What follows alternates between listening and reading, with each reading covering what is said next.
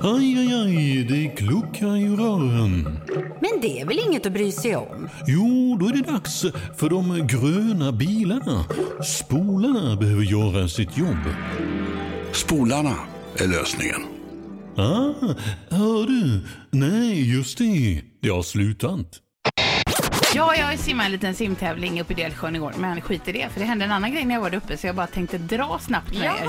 Att när jag stod där innan, man är ju inte bekväm i våtdräkten kan jag säga, för att det är som att vara naken egentligen. Man ser ju hur alla ser ut. Fast det är ju bättre med våtdräkt än vara bikini. Eller att vara naken också. Ja, fast Linda, jag skulle säga att eh, våtdräkten den gör saker med kroppen som inte är trevligt alltså. Men är det som att vara invirad i Ja, gladpack ungefär? exakt så är det. Och man försöker stå där och avslappnad också föra avslappnade konversationer. Jag kan visa lite bilder om du vill. Ja, jag säger aldrig nej till lite schyssta bilder. Hur som helst, det kommer fram en kvinna, eh, en tjej till mig och så säger hon så här, Åh, jag måste bara tacka dig och så här, jag, jag lyssnar och jag tycker du är så rolig och så vidare. Så här. Och det hände ju aldrig med mig nästan, så jag blev väldigt glad i våtdräkten. Hon pratar vidare och säger, ja det var så här lite skratt, jag behöver lägga av, tänker jag lite grann. Lite så här.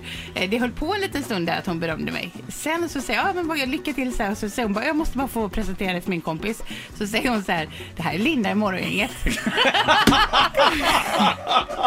och då fick jag, då rann jag iväg. Vad sa Nej du men jag, då? jag kunde Sa inte du det då? säga något. Linda, vi är inte ens lika. Vad roligt. Utan jag stod där och kände mig så jädra bra. Jag, tycker, jag älskar ditt skratt. Jag tänkte, ja men jag kanske har härligt skratt. Det aldrig någon som har sagt till Men hon kan ju inte lyssna så mycket om hon tror att Linda skulle vara med i en Ja, men simtävling till att jag, börja med. ja, men hon bara säger, du måste bara tacka. Det började säga, ja jaha. Så här, vet jag, Men du, var, var detta innan själva simmeriet? Ja, det var innan simmeriet. Jag stod i våtdräkt Kan man där, säga att det liksom. tog en del energi Ja, ur det gjorde det. Det drog nog ett par minuter på det alltså.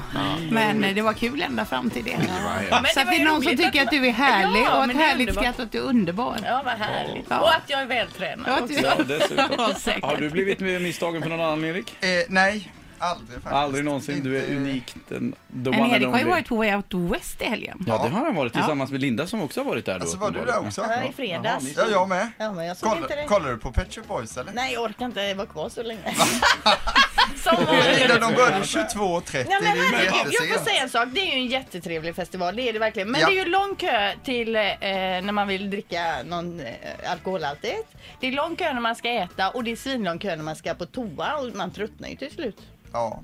ja, jag håller med dig till viss del där, men jag satt ju hemma och eh, funderade på att inte gå i protest, alltså för de har gjort den här festivalen mjölkfri i år också. Och som gammal mjölkbonde så är det svårt att gå på en mjölkfri festival. Och där satt folk och åt sina vegetariska pizzor utan ost på. Hur kul är det? Nej, det är inte ens ost på den, det Men, måste men väl är det så att Det är, är, ost, det är mjölk i ost. men är det så att det är mjölkfritt för att det ska vara mjölkfritt eller är det för att man har en sponsor som heter Oatly? Ja, det kan man fundera på också. Men det behöver inte jag heller. Men jag struntade i det, så gick jag dit och kollade på Pet Shop Boys. Fantastiskt bra det här bandet alltså. De har ju blivit lite äldre nu, Pet Shop Boys, så som ah, många andra har blivit i samhället va. Men vad duktiga de var ändå. Ja, Tuffa. så tycker du, för jag hörde ju någon annan här på företaget som eh, inte tyckte de var bra. Så att jag, och så är det ju med alla banden här.